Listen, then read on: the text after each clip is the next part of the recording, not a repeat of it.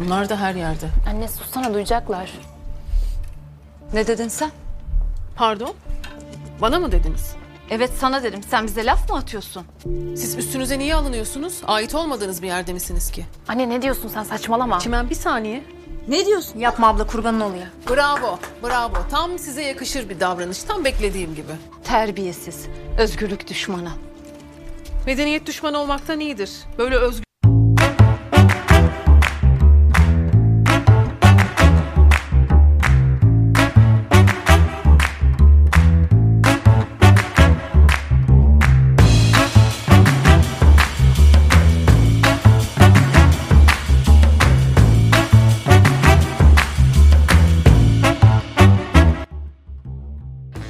Toplumsal cinsiyeti mutfağında pişiren podcast Mutfakta Ne Var'ın 2023 yılı ilk bölümünden herkese merhaba. Ben Meltem Suat.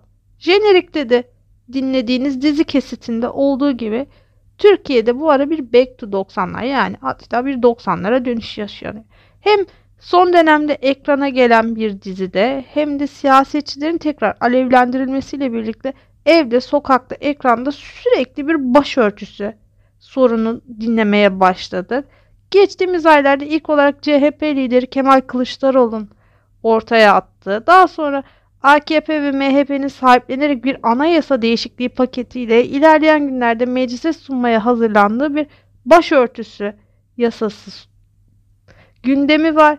Bu başörtüsü yasasını ve başörtüsü yasasıyla birlikte mi anayasada değiştirilmesi teklif edilecek bir diğer madde olan madde 41'i bugün anayasa hukukçusu akademisyen Afra Teren Gürüler'le birlikte pişireceğiz. Afra hoş geldin. Merhaba Meltem, hoş bulduk. Afra hemen şunu sorarak başlayayım. Şimdi CHP geçtiğimiz günlerde bir başörtüsü yasası gündeme attı. Aslında geçtiğimiz aylarda günlerde demeyelim. Bu yasayla birlikte Kılıçdaroğlu dedi ki biz artık başörtüsüyle helalleşeceğiz. Hatta sen bu yasayı ilk günlerde çok eleştirdin. Ee, Ben seni Twitter'da gördüm. İşte bu yasanın içinde bazı boşluklar var. Biz başörtüsü takınca tamam ama içerisinde kılık kıyafetle ilgili her şeyimiz serbest bırakıyor diye. Daha sonra bu yasayı AKP ve MHP sahiplendi ve meclise sunmaya karar verdi. Öncelikle bu anayasanın 24. maddesini birazcık açıklayabilir misin ve neden değiştirilmek istiyor? Neden bir anda gündeme geldi? Onu sorarak başlayayım. Evet yani aslında şöyle, şuradan başlayalım. Yani Türkiye toplum şeyi reddederek reddetmemek lazım bence. Evet bu ülkede bu ciddi bir sorun olarak yıllarca karşımıza çıktı. Ama ya anayasa değişikliği seviyesinde bir değişiklikle karşı çıkıp karşılaşmak, bununla çaba harcamak, uğraşmak için ortada bir gerekçe var mı?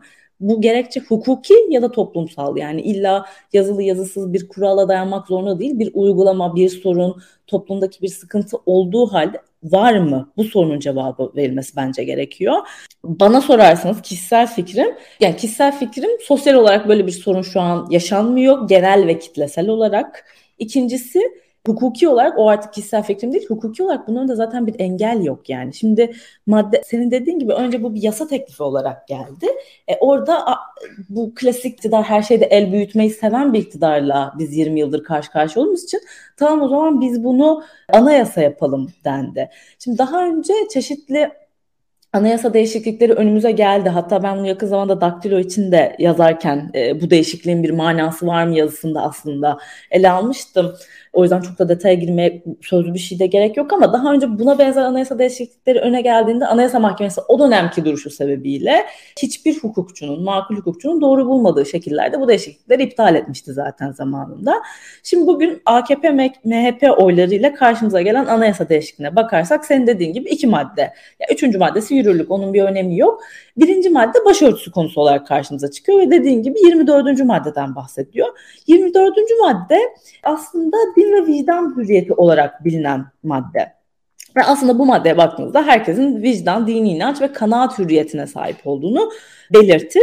Ve unutmamak gerekir ki bu inanmak ve inanmamak özgürlüklerini bir arada kapsayan bir maddedir. Şimdi önümüze gelen teklife baktığımızda şöyle bir iki tane fıkra eklendiğini görüyoruz. Ve burada görüyoruz ki önce yani okuyacağım ki dinleyenlerin de karşısında bir anlamı olsun. Birinci önerdikleri fıkra bu din ve vicdan hürriyeti maddesinde temel hak ve hürriyetlerin kullanılması ile kamu veya özel kesim tarafından sunulan mal ve hizmetlerden yararlanılması hiçbir kadının başının örtülü veya açık olması şartına bağlanamaz. Şimdi Birincisi ben şeyi çok komik buluyorum. Yine sadece kadın üzerinden bir düzenleme yapılıyor. Çünkü bu ülkede tarihte sadece başörtüsü sorunu yaşandı. Bir kesim gözünde böyle davranılıyor. Şimdi mesela o zaman şöyle bir şey yazabilir miyim? Ben restoranda hizmet veriyorum ve diyorum ki kadın olmasın sarıklı insanları almıyorum içeri. Ya da e, illa bunu niye İslam'la sınırlıyoruz? Ben rahip işte üzerlerine girdikleri şeyin adını Türkçe'de bilmiyorum ama rahip cübbesiyle gelenleri almıyorum içeri. Şimdi mesela ne olacak? Ya da hiçbir kadının başının örtülü veya açık olmaması deniyor. Yani demek ki başörtüsü dışındaki kıyafetlerine ben bir, bir şey getirebilir miyim bu maddeye bakarak o zaman? Yani maddenin yazılış şekli de bence çok komik. Bu arada aynı şeyi CHP'nin teklifinde de yasa teklifinde de söylemiştim. Yazılış şekli saçmalıktı. Orada yazılan maddeye göre de ben işte avukatın biliyorsunuz cübbe zorunluluğu vardır. Cübbenin içerisinde hiçbir şey giymeden çıplak şekilde duruşmaya çıkabilirdim. Yani biraz ilginçti bence. Burada da yazım komik geliyor bana. O yüzden hani burada yine kadın üzerinden tablo çizilmeye çalışılmış. Ya burada mesela eğer herhangi bir dini kıyafet diye genellenseydi neden o yapılmıyor da başörtüsüyle sınırlanıyor bu konu? Ben diyebilir miyim o zaman çeşitli cemaatler ve inanç türleri var. Bilmediğim için şimdi yorum yapmak istemem ama şalvar giyiyorlar. Ben şalvarları almıyorum diyebilir miyim? Özel hizmet verirken ya da kamu hizmeti görürken böyle bir yönetmek geçirebilir miyim? Ya da başörtüsü okey buna göre ama peçe takan hayır mı? Mesela bu bu tartışma ne olacak? Bütün bunlar bence açıkta kalıyor. O yüzden bu bana komik bir yazış şekli gibi geliyor yani açıkçası ve temel hak ve hürriyetlere hizmet etmiyor.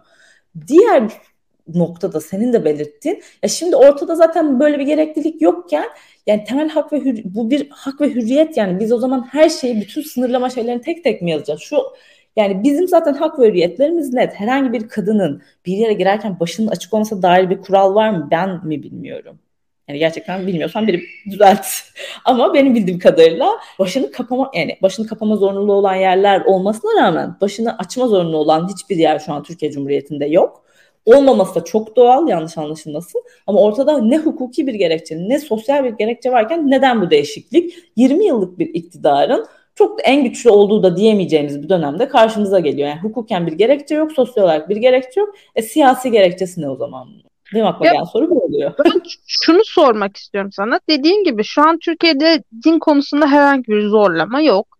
90'lardaki o 28 Şubat sürecini yaşamıyoruz. Başörtülüler de hani hayatlarını gayet rahatlıkla devam ettirebildiğini düşünüyorum ki bunu hani bir yanlışım varsa dinleyicilerim sonra beni düzeltebilir. Ama neden durduk yere bu başörtüsü yasası tekrar gündeme geldi? İlla anayasal bir güvence altına almak zorunlu mu? Eğer zorunluysa mesela dediğin gibi ben Hristiyanın papaz cübbesiyle de bir yere gidebilir miyim? Ya da Museviyim onlara özgü bir kıyafetle bir yere gidebilir miyim? Neden illa hani başörtüsünü yasal güvence altına almak gerekiyor? Bu şu an çok mu elzemdi bu yasayı geçirmek? Yani bence hiçbir gerekçesi yok. Zaten yani sorduğun sorulara tabii ki yani bir kamu hizmetinden yararlanmada kimsenin kılık kıyafetiyle alakalı bir ayrıcalık öngörülemez yani. Zaten baktığımızda anayasa madde 10 kanun önünde eşitlik yasası der ki dil, ırk, renk, cinsiyet, siyasi düşünce, felsefi inanç, mezhep ve benzeri sebeplerle ayrım gözetilmeksizin herkes kanun önünde eşittir. Şimdi din, mezhep dediğimiz şeyin bir uzantısı da o dinin kıyafeti değil mi? Bu zaten net yani buna ilişkin bir ayrımcılık kimseye ne kamu hizmetini verme tarafında ne kamu hizmetini alma tarafında böyle bir ayrımcılık kimseye yapılamaz. O yüzden hatta madde ona aykırı olarak yani eşitlik ilkesine aykırı olarak alınacak tedbirler vardır. Nedir bunlar işte? Kadın erkek ayrımcılığına karşı yani bir pozitif e, yükümlülükler edindiğinde devlet pozitif ayrımcılık yapılan işte şehit gazi yakınlarına yapılanlar burada çeşitli ayrımcılıklar öngörülüyor. Bunlar da açıkça anayasada yazılıyor. Yani o yüzden devletin bütün organları ve idare makamlarının işlemlerinde bu eşitlik ilkesine uygun hareket etmesi gerekirken başörtüsü serbesttir ya da başını açmak serbesttir. Ya ikisini aynı maddeyle yazmışlar. Neden bunu yazma gereği? Bunun hiçbir gerekliliği yok ve ben şunu da düzeltmek istiyorum. Gerçekten burada belki yaşı daha küçük ve belki muhafazakar çevrelerden gelenler varsa dinleyenler 28 Şubat diye kafaya kakılan şeyde çok kötü bir süreç Türkiye'de saçma sapan bir sürü şey yaşandı ona giden süreçte de 28 Şubat'ın ta kendisinde de e, devlet eliyle çok yanlış şeyler yapıldı. Hiç bir kabul edilebilir yanı yok. Ama burada 28 Şubat'ı takiben hiçbir kanuni metinde başörtüsü yasaktır. Başörtülü kişiler üniversitelere giremez. Başörtülü kişiler işte şu şu şu kurumlara giremez. Başörtülü hakim olamaz. Başörtülü savcı olamaz diye bir kural yoktu bu o dönemin getirdiği bir şey değil. Üniversite yasakları bu arada yazılı olarak hiçbir yerde yoktu. Kılık kıyafet yönetmeliklerinde burada kastettiğim şey de şudur işte avukatların kıyafet yönetmeliği gibi yerlerde başı açık yazardı. Bu da zaten aykırıydı anayasaya aslında. Bu üniversitelere girilememesi noktasında zaten AK Parti iktidara geldiğinde, iktidarlık güçlü yıllarında 2008'de bir hüküm getirdi anayasaya. Ve işte burada şey işte kılık kıyafet buna benzer bir düzenleme getirmeye çalıştı. İşte üniversitede kılık kıyafet e, düzenlemesi olamayacağını da. Onu oradan Anayasa Mahkemesi yanlış ve siyasi bir yorumla o, o kararı doğru bulan bir adet hukukçu bulamazsınız şu an. Ama mahkemeler nasıl bu dönem siyasiyse o dönemde siyasiydi. O yüzden yargı bağımsızlığının bütün önemi ortaya çıkıyor. O dönemde de siyasiydi. Güç odağı başkasıyken de ve verilen karar normalde anayasa değişikliklerini içerik bakımından Anayasa Mahkemesi denetleyemez. Yani burada kastettiğim oy sayısı doğru mu? İşte oylama usulü doğru mu? İşte iki kere görüşülmesi gerekiyor falan gibi özel nitelikleri vardır anayasa değişikliklerinin. Bunlara bakılır. Bunların dışında içerik olarak bir kanun inceler gibi inceleyemez anayasa değişikliğini. Ama o zaman Anayasa Mahkemesi dedi ki temel normlar var, değiştirilemez maddeler var. Ben onlara dayanarak inceleyeceğim bu içeriği. Ya bu zaten hukuken ne kadar doğru bu da tartışılır. Yani o bu hukuki Danıştay'ın da kararları var çeşitli. Bu kararlar yanlıştı. Yazılı olarak kimsenin üniversiteye girmesini engelleyen bir kural yoktu ortada. Yani bu hep çok atlanıyor ve yanlış da çarpıtılarak da öğretiliyor. Böyle bir hukuki kural yoktu. Bugün de böyle bir hukuki kural yok. Ya bir yere girerken başınızı açmanız gereken bir yer yok. İşte ibadethane, çeşitli türbelere girerken başınızı kapatmanız gerekiyor örneğin ya da vücudunuz. Ha, ya bu kültürel olarak olan bir şey. Bunun da yazılı bir karşılığı var mı bilmiyorum. Ama siz bunu yapmadığınız zaman sorun oluyor yani gerçekten orada çünkü özellikle tarihi camilerde diyanet yetkilileri var ve sizi çıkartıyorlar polis eşliğinde çıkarıyorlar. Polis çağırıyor. Yani olay çok büyüyebiliyor siz bunu takmamakta diretirseniz.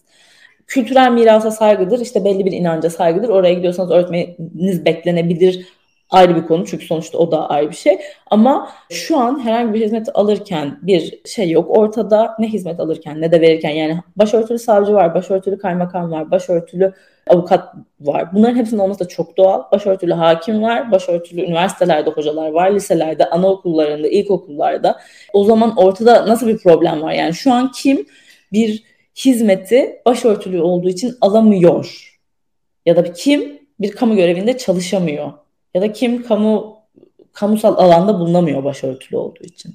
Böyle bir sorun ortada varsa o zaman bu bence dile getirilmeliydi. Hiç böyle bir sorun görmedik. Böyle bir sorun dile getirilmeksizin zaten yıllardır iktidarda olan bir odak gücü seçim senesine girilmişken böyle bir anayasa değişikliğini ortaya sunuyor. Ve ayrıca evet. şunu da ekleyeyim. Temel hak ve özgürlük konusuysa bu neden başka bir şeyle birleştiriyorsunuz ki? Başörtüsü neden tek başına gelmiyor o zaman madem konu bu?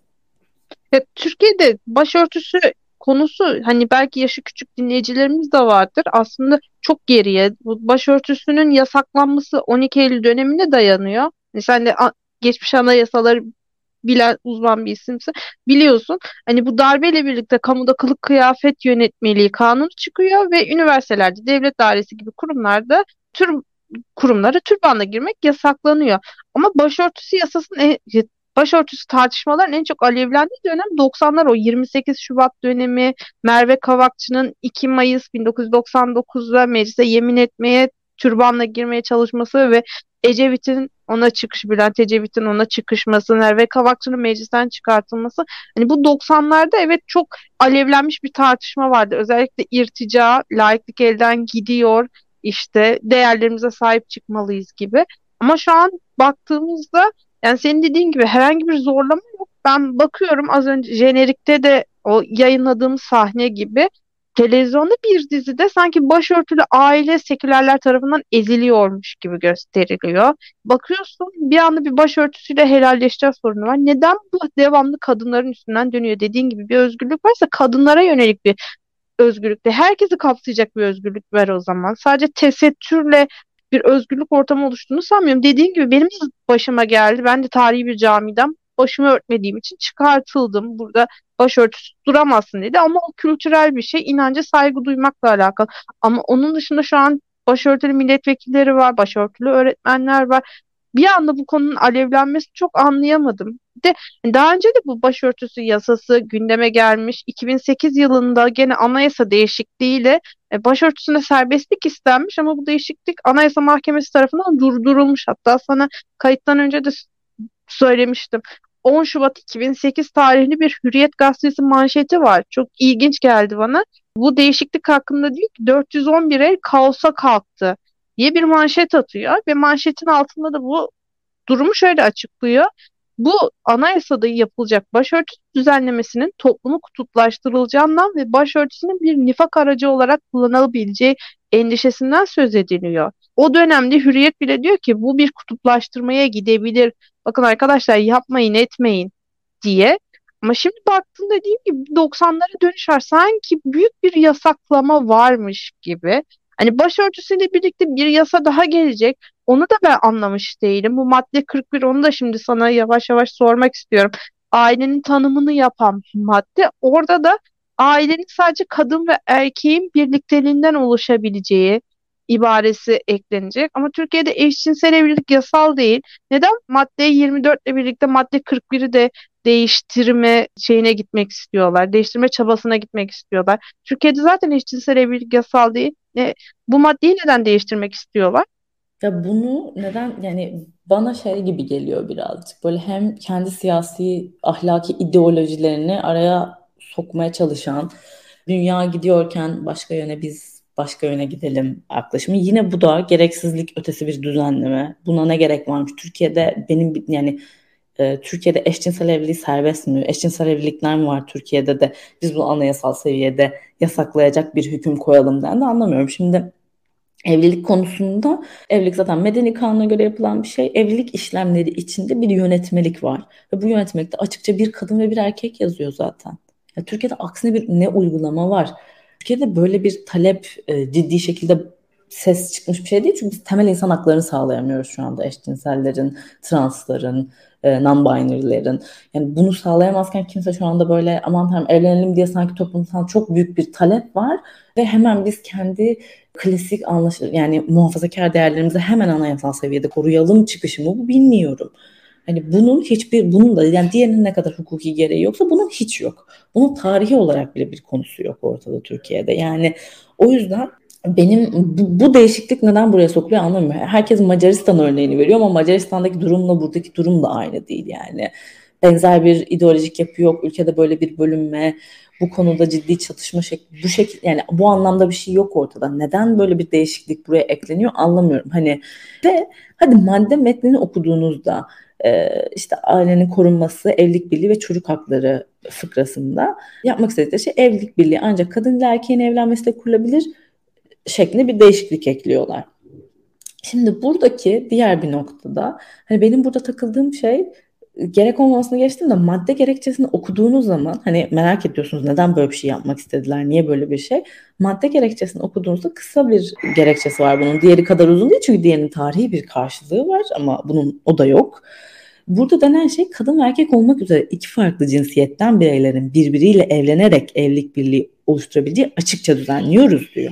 Bunu neden yapıyoruz diye sorulduğunda da hiçbir evlilik bir yani diğer birlikteliklerin yani kadın erkeklerin resmi nikahla evlendiği evlilik hariç bunların bir, evlilik birliği kabul edilemeyeceği ve evlilik birliğinin eşler arasında yani kadın erkek arasındaki eşitliğe dayandığını kabul edilmiş olmaktır. Bu bir açıklama değil. Bir sonraki cümleye geçiyoruz. Böylece aile ve evlilik kurumunun her türlü tehlike, tehdit ve saldırılarıyla sapkın akımların dayatmalarına karşı korunması amaçlanmaktadır. Şimdi burada geliyoruz. Şimdi te, e, şu an e, aile kurumuna nasıl bir tehlike, tehdit ve saldırı varmış? Sapkın kısmına zaten geleceğim. Şu an zaten kadın ve erkek evleniyor. Buna ilişkin nasıl bir tehdit vardı? Kadın ve erkek hani ya da evlilik birliği mi kaldırılsın? Onun yerine insanların dini nikah nikah sandığı, sadece imam önünde evlendikleri ve hukuken hiçbir geçerliği olmayan, hiçbir karşılığı olmayan nikah, nikah saydıkları evlilikler tırnak içinde söylüyorum onlar da bir evlilik değil. Yani ben daha bu hafta sonu o şekilde birinin ikinci eşi olduğunu iddia eden ama kendisine benim hatırlattığım eş olmadığı gerçeğiyle şiddet gören bir kadın evi barkı olmadığı için otogarda uyuyor. Yani bu evlilik birliği değil asıl. Bu kadınları koruyan hiçbir şeyimiz yok ortada.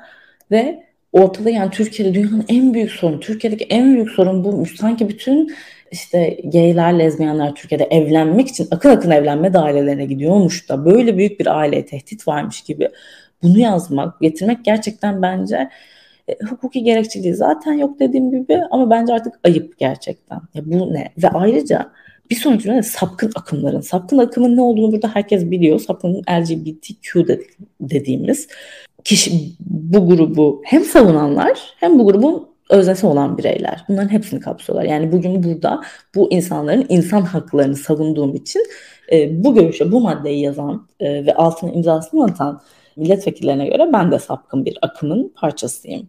E neden? Çünkü bir grup insanın ve özellikle de toplumda açıkça azınlık olduğu net olan bir grubun korunmasını, insan haklarına sahip olması gerektiğini savunduğum için. Şimdi şunu anlatamıyorsunuz yani Türkiye'de şöyle al, benim aklım almıyor yani bu televizyon dizileriyle ilgili falan da böyle saçma sapan kısıtlamalar getiriyorlar ya. Ya televizyonda gay gördüğü için gay olan insan var mıymış ya ben tanışmak isterim şahsen. Bana çok gerek geliyor. Bir insan heteroseksüelse televizyonda izlediği için gay olmayacaktır ya da trans olmayacaktır. Yani şunu anlatamıyorsun gibi geliyor bana. Şimdi Türkiye'de doğduğunuz cinsiyette olmak ve bu cinsiyetin rollerine göre hayatınızı devam ettirmek çok kolay. Yani ben kadın olarak doğdum ve bütün hayatımı kadın olarak devam ettireyim. Çok kolay bir hayat tercihi olur. Ya da daha da önemlisi erkek gibi toplumu yücelttiği ataerkil bir toplumda erkek olarak doğmuş ve hayatını erkek olarak devam ettirmek çok kolay. Bir insan ya sizce sadece, yani bu soruyu biraz kendine sosyal cevap bulacaklar bence. Sadece ve sadece sapkın olmak için ben kadın olacağım. Zaten kadın olmak yeterince zor bir şey bu toplumda. Terkil bir toplumda yaşadığımız. Yani üstüne bir de trans kadın olacağım. Amacım da sapkın olmak. Ya böyle bir şey bir insanın yapabileceğini düşünebiliyorlar Ben çok merak ediyorum. Ya bütün hayat standartını düşürecek bir tercih de demek istemiyorum. Doğru kelimeyi de bulamıyorum ama buradaki ifadeyle bu bir tercihmiş gibi davranıyorlar böyle bir şeyi bir insan tercih edebilir mi? Neden düşünmediklerini anlamıyorum. Yani nasıl bir e, sorun var ve kendi içerisinde bu, bu gerekçe sapkın akımlar dedikleri için bu aslında anayasaya aykırı. Biraz önce bahsettiğimiz gibi yani hiçbir sebeple kanun kimseyi bu şekilde dışlayamaz. Sen LGBTQ'sun o yüzden sapkınsın ve sen aile birliğini bozuyorsun. Sen, ya bu devletin vatandaşı olan ve insan olmaktan doğan haklara sahip bir grup insanı dışlaması demek. Benim bunu aklım yani bu asıl anayasaya aykırı. Ya şöyle ya. bir şey var şimdi madde 41'de diyor ki baş madde 41'in devam eden fıkrasında diyor ki devlet diyor ailenin tanımını yaparken diyor aile planlaması için gerekli tedbirleri de almak zorundadır diyor. Böyle bir ibare de var. Ancak şu an baktığın baktığımızda devlet aile planlı aile sağlığı merkezlerine bu gerekli araçları göndermiyor. Te, hani madde 41'de hani değiştirmek istedikleri maddeye göre bunu da uygulamak zorunda. Hani anayasaya uygun hukuk bir devleti olduğu, hukuk devleti olduğumuzu farz edersek ama bu araçları göndermiyor. Bu araçları reçete kapsamına almıyor. E bunları karşılamıyor ama diyor ki ben madde 41'in tanımını değiştireceğim. Anayasaya uygun bir aile tanımı yapacağım diyor. Çünkü diyor güçlü Türk devleti diyor, güçlü aileyle var olur diyor. Ya sen ne düşünüyorsun? Hem bu maddenin devamını uygulamıyor hem de bu maddeyi değiştirmek istiyor bir anayasa hukukçusu olarak. O kadar çok maddeyi uygulamamak yönünde bir iradeleri var ki artık şaşırmıyorum noktası. Yani Türkiye'de şaşırmazsanız mutlusunuzdur doğru bir laf. Yani şimdi şöyle Burada bakıyorsunuz devlet aynen dediğin gibi aile planlaması öğretimi ve uygulanmasını sağlamak için gerekli. Yani sadece uygulanma kısmını da geçtim. Bugün herhangi bir devlet okulunda, hadi devlet okulunda geçtim. Yani ben bu orta öğrenimden itibaren verilmesi gereken bir eğitim olduğu gerçek ama ilerleyen dönemde düşün üniversite olsun. Herhangi bir devlet üniversitesinde zorunlu müfredatta cinsel hayata ilişkin herhangi bir eğitim var mı? Hayır yok. Yok yani saçma sapan yok diye yani madem YÖK diye bir kurum var. Ben e, birlik sağlayıcı bir kurumun varlığına karşı değilim. Şu anki formuna karşı olmakla beraber. Ama müfredatta belli bilgilerin verildiğinin merkezi bir sistem olmasının çok yanlış olduğunu düşünmüyorum. Çünkü bu kadar çok üniversite olan bir ülkede diğeri sorun olur. Ama o zaman mesela şu an Türkiye'de hangi, hangi bölümü okursanız okuyun işte Türk dili bir de bu inkılap tarihi diye bilinen dersler zorunlu. E bu neden e, cinsel sağlık zorunlu bir ders değil? Mesela bu maddede çünkü baktığınız zaman öğrenimini de sağlıyor. Aile planlamasının öğretimi ve aile planlamasının öğretimi cinsel bir eğitim. Cinsel planlama işte cinsel yaşama ilişkin eğitimle ancak sağlanabilir. Bu neden yok? Yok. O zaman buna ilişkin hiçbir şey yapmıyorsan niye diğerine şey diyorsun? Ya ben bunu hep diyorum yani. Ben bunu altılı masanın anayasa değişikliğine Şimdi buraya yok efendim aile kadın erkek arasında olur. Ya sen bunu uygulamadıktan, sen yapmadıktan sonra bunu değiştir, değiştirme hiçbir önemi yok. O öyle kalsın. Ya ben bunu hep diyorum. Türkiye'de bir anayasa fetişizmi var. Yani sadece benim söylediğim şey değil. Herkes söylüyor anayasası olan. Yani burada bir fetişizm var. Bunu değiştirdik oldu. Ya olmuyor işte öyle. Ben şunu sormak istiyorum sana. Geçtiğimiz aylarda bu anayasa değişikliği ilk gündeme geldiğinde Eşitlik için Kadın Platformu Eşik bir açıklama yaptı ve dedi ki benim çok dikkatimi çekti. Yeni anayasa değişikliğinin eşitlik ilkesini ihlal edeceğini ayrıca bu anayasa değişikliğiyle yani 41. maddenin değiştirilince medeni kanunla güvence altına alınan evlilik haklarının riske gireceğini ve medeni ha- kanunun da zımmen ilga edilmesinin yolunu açacağını söylüyor. Böyle bir şey mümkün mü bu değişiklikle? Ya şimdi şöyle, burada maddenin şu anki haline bir bakmak gerekiyor. Şimdi eşler arasında eşitliğe dayanır diyor şu anda. Yeni getirmek istedikleri halde tekrar açarak söylüyorum ki evlilik birliği ancak kadın ile erkeğin evlenmesiyle kurulabilir ve hemen geliyoruz devamına eklendiğinde ve eşler arasındaki eşitliğe dayanır. Şimdi burada aslında eşler yani burada yazmasının ne kadar bir anlamı yoksa yazmasaydı o kadar bir anlamı olmayacaktı. Sonuç olarak bu hüküm ilk yazıldığı haliyle şunu unutmamak lazım. Biz şer'i bir devletten gelirken medeni kanuna geçen bir ülkeyiz. Yani din kurallarına dayanan. Şimdi böyle işte dinleyip böyle geçen bir ol başkanla yaptığımız bir yayında geçmişti. Yani böyle İslam'ı oraya bırakıp gerçek İslam budur budur tartışmasına gerek yok. Yani şer'i hukuk belli ortada. Yani yüzyıllardır geliyor bu. Ve şer'i hukuka göre nedir? Yani kadın erkek eşit değil yani şer'i hukukta. E biz medeni kanuna geçerken eşlerin açık olduğunu. Yani işte bu mesela boşanma hakları biliyorsunuz farklıydı. Bunlar medeni kanuna geçen. Bu eşitliğin manası kişisel olarak doğru düzgün bir hukuk devletinde yaşıyorsak burada ve bu eşitliğe dayanır ilkesi olmasa da hiçbir sorun olmayacağını düşünüyorum. E, Türkiye'de yaşadığımız için yazıyor olmasının bir manası olmadığını düşünüyorum. Yazıyor olduğu halde e, eşitliğe mi dayanıyor şu anda? Türkiye'deki bütün sorun bu fetişizm kelimesini kullanmam sebebi o. Biz bunu değiştirmeyi ya da bir işte kadın dernekleri de eşit gibi ya da tutmayı çok seviyoruz. Ya bunların hiçbir manası yok. Hiçbir manası yok. Bu kadar detaylı bir anayasaya da ihtiyaç yok.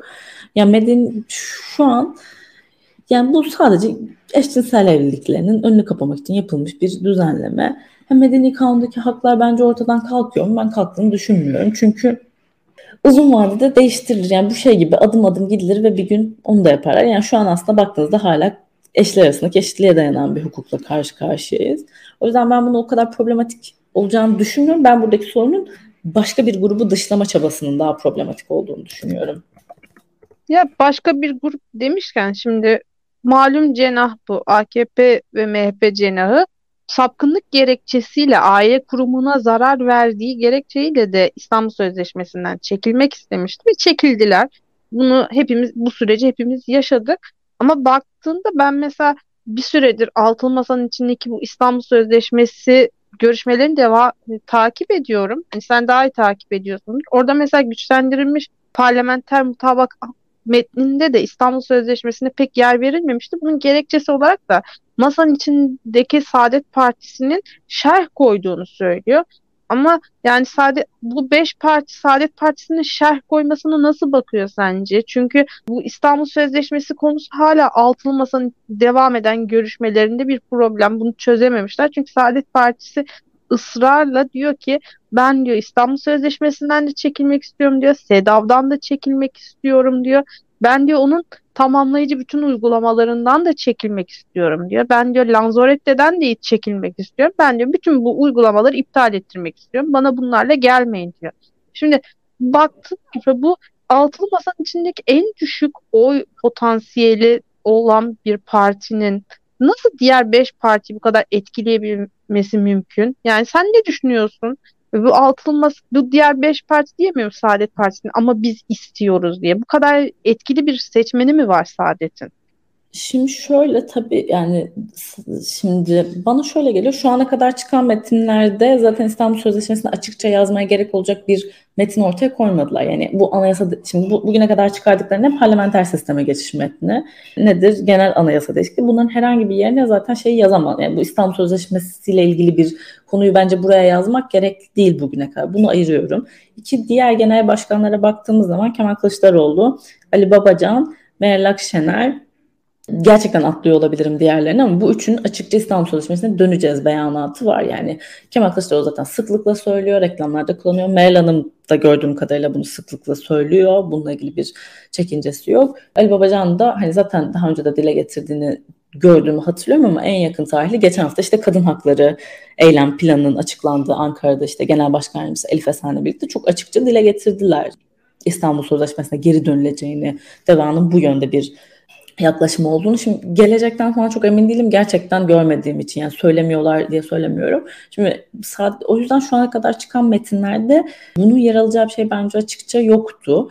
Bundan sonrası için bildiğim kadarıyla altılı masa seçilecek Cumhurbaşkanı'nın manifestosunu hazırlıyor farklı alanlarda. Yani işte ekonomide ne denir ona bir el kitapçığı gibi bunlara uygun ülkeyi yönetmesi üzerine bir manifestolar hazırlanıyor farklı farklı alanlarda. Burada kadın hakları manifestosuna yer alacak mı almayacak mı? İşte o zaman göreceğiz bence asıl şeyi etkili olabilmiş mi olamamış mı. Yani bana şöyle geliyor diğer liderler bu kadar söylüyorsa zaten manifestoda açıkça yazmasa da geri dönülür. Biz bunun anayasa önerdikleri anayasa değişikliği teklifinde altılı masanın ne olarak gördük ki bence gerçekten bu kadar değişikliğe gerek yok anayasada ama gerek olan bazı hususlar vardı. Onlardan bir tanesi uluslararası sözleşmelerden nasıl çıkılacağıydı. Bunun da girildiği usulde çıkılacağı düzenlenmesi yönünde bir önerileri var anayasa değişikliği teklifinde. E, bu da açıkça aslında İstanbul Sözleşmesi'nden çıkılma usulünü uygun bulmuyoruz demek. Orada bence Saadet Partisi farkında olmadan bir gol yemiş gibi geliyor bana ama her şeyin ötesinde ben olsam hani bu benim şeyimde olsa ben Saadet Partisi'yle böyle bazı temel şeyler var yani. Bunların olmadığı bir partiyle aynı masada oturmak istemezdim bir lider olsam diye düşünüyorum. Çünkü hani özellikle bu bizim gibi gerçekten kadın haklarının sorunlu olduğu ülkelerde bu şey konusu. Yani bence tartışmaya açık bir konu bile olmamalı. Hele mevzuata, yerel mevzuata eklenmiş işte 6284 sayılı kanununda kaldıralım falan filan gibi söylemler kabul edilemez. Şu an çünkü uluslararası denetim olmasa da 6284 en azından kağıt üstünde aynı korumayı sağlıyor bundan da çıkalım falan gibi saçma sapan fikirleri öne süren bir partiyle ben aynı masada oturmak istemezdim bir lider olsam herhalde. Ama şöyle geliyor. Ya şeyi yorumlayamıyorum tabii ki. Oyu Saadet'in oyu stabil benim bildiğim kadarıyla. 1 ile 2 arasında her seçim. Hiç, hiç onun altına da düşmüyor. Üstüne de çıkmıyor. Ama onların çok yaşlı bir seçmen kitlesi vardı. Yani mesela onlar vefat edince ne oluyor? Aşağıdan geliyor mu oy bilmiyorum. Yani şu an bazı şeylerde herhalde masayı bir arada tutmak amaçlı. E, tam böyle diyor da neyse bizim beyanımız açık zaten gibi bakılıyor olabilir gibi geliyor bana. Diğer bir yandan hani hani ben dediğim gibi kişisel görüş olarak ben olsam aynı masada oturmam lider diyorum ama şu anda da Türkiye en önemli seçimlerinden yani her seçime bu denir ama gerçekten tarihi seçimlerinden birine giriyor. Bu seçime girerken de olabildiğince güç toplamak istiyor herkes. E tamam bu konuyu da ortak politika yapmayız. Her parti kendi politikasında zaten istiyoruz. Her, her parti kendi politikasında söyler. Meclis çoğunluğunu alırsan da zaten bu yetkin olacaktır. Orada Saadet Partisi'nin artık kaç vekili olur öyle bir senaryoda bilmiyorum ama yani çoğunluğun CHP İyi Parti'de olacağı bir senaryoda ve bu ikisi zaten kabul ediyorken tekrar İstanbul Sözleşmesi'ne girilebilir diye bakıyor olabilirler. Yani hani bu konuyu gündem etmeyelim zaten bunu çözecek yol var elimizde diye düşünüyor olabilir. Ya ben senin dediğin gibi bunu geçtiğimiz ay yazın, geçtiğimiz yaz yaptığımız İstanbul Sözleşmesi değerlendirme yayında da sen söylemiştin. Saadet Partisi'nin çok yaşlı bir seçmen kitlesi var diye. E, ben şunu çok merak ediyorum, düşünüyorum da bu yaşlı seçmen kitlesi bu kadar hani masayı damgasını vuracak bir kitle mi de ya da senin dediğin gibi diğer partiler ama nasıl olsa biz zaten bildiğimizi yapacağız. Ona da hani tamam diyelim gözüyle mi bakıyorlar çok merak ediyorum. Çünkü geçen hafta Ali Babacan'ın konuşmasını ben de takip ettim. Ali Babacan diyor ki Cumhurbaşkanlığı yemin töreni hemen ardından ilk yapacağımız şey İstanbul Sözleşmesi'ne dahil olmak olacak diyor. Ama bakıyorsun Saadet Partisi bambaşka bir yerde çıkıp diyor ki biz bütün uygulamaları iptal edeceğiz iktidara geldiğimizde. Yani ben de şunu düşünüyorum.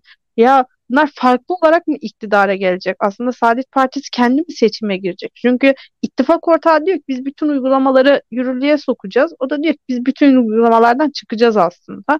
Yani bu zıtlık beni hem güldürüyor. Hani bu kadar ısrarla biz queer Saadet Partisi daha çok queer bireylere de karşı sapkınlık olarak değerlendirdiği o e, LGBTQ artı bireylere de karşı e yani hem onlara karşı hem İstanbul Sözleşmesi'ne karşı bu kadar hani etkili bir seçmen kitlesi olduğunu ben düşünmüyorum. Neden bu ısrarı sürdürüyor?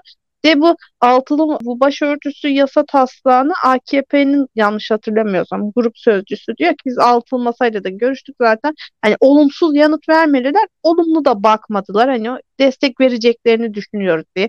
Bu anayasa değişikliğine sence değişiklik verir mi Millet İttifakı partileri? Destek verir mi? Yani buna evet oy vereceğini düşünmüyorum ama şey olur. Yani diğerlerinin oyu yeter. Bu arada benim kişisel görüşüm siz bir parti olarak ya da şahıs olarak LGBTQ'lardan hoşlanmayabilirsiniz yani. Hani biz size şey demiyoruz 7-24 gay bara gidip oturun ya da işte bütün arkadaşlarınız gay olsun falan böyle bir şeyi zorlamıyoruz. Ama sizin bir seçmen kitleniz varsa, siz toplumda yön vericiyseniz ve bu bahsi geçen LGBTQ queer grubu saldırıya açık bir grupken, insanların saldırmasına açık bir grupken sizin böyle söylemler söylemeniz tehlikeli bence yani. Bir parti olarak sen kitleleri öyle ya da böyle az ya da çok bir kitleleri etkileyen, etkileyen liderlerken herhangi bir grubu saldırı tehditinde altında bırakacak açıklamaları ben yanlış buluyorum yani. Yoksa kişi olarak evinde sevmeyebilirsin yani. Kimse seni zorla değiştiren ama temel insan hak ve özgürlükleri bir hukuk devletinde nettir. Buna saygı duymak zorundasın yani seve seve. ben geçtiğimiz aylarda Ayşe Çavdar'la yaptığımız Kutsal Aile Tehdit Altında mı bölümünde Ayşe o Ayşe Hoca'ya sormuştum bunu. Hocam demiştim neden ısrarla queer bireylere karşı çıkıyorlar, onları sapkın olarak görüyorlar diye. Ayşe Hoca da dedi ki artık dedi cemaatler dedi kendi içinden dışarıdan mürit almaktansa bu sağcılar içeriden birilerini yetiştirmek istiyor. Yani baktığınızda dedi onlar da artık gençleri evliliğe, çocuk yapmaya bu kadar sıcak bakmıyor. Onlar da değişimin farkında. Onlar da dünyayı takip ediyor. O içten içe kapalı muhafazakar toplum birazcık kırılmaya başladı. Sürekli bir 1984 romanındaki gibi dış mihrak arayışı var. Bizi kim yıkıyor aslında? Queer bireyler. Gençlerimiz onlara özeniyor. Onlar gibi olmak istediğinden çocuk yapmıyor, evlenmiyor. Ama dediğim gibi bu hani şey demek değil. Biz bu gayleri, şey, queer bireyleri destekliyoruz. Gelin sizinle zorla 7-24 gay barda oturacağız değil. Ya da hep bütün arkadaşlarınız LGBTQ artı olacak değil. Senin de benim de LGBTQ artı arkadaşlarımız var. Hani bugüne kadar ya ben onlara özenip onlar gibi olmaya çalışmadım yani. Ki bu hani isteyip olunacak bir şey de değil. Bunun ısrarını anlamış değilim. Sürekli bir ailemiz tehdit altında. Aman hani evimiz yuvamız yıkılacak. İstanbul Sözleşmesi evimize zarar veriyor.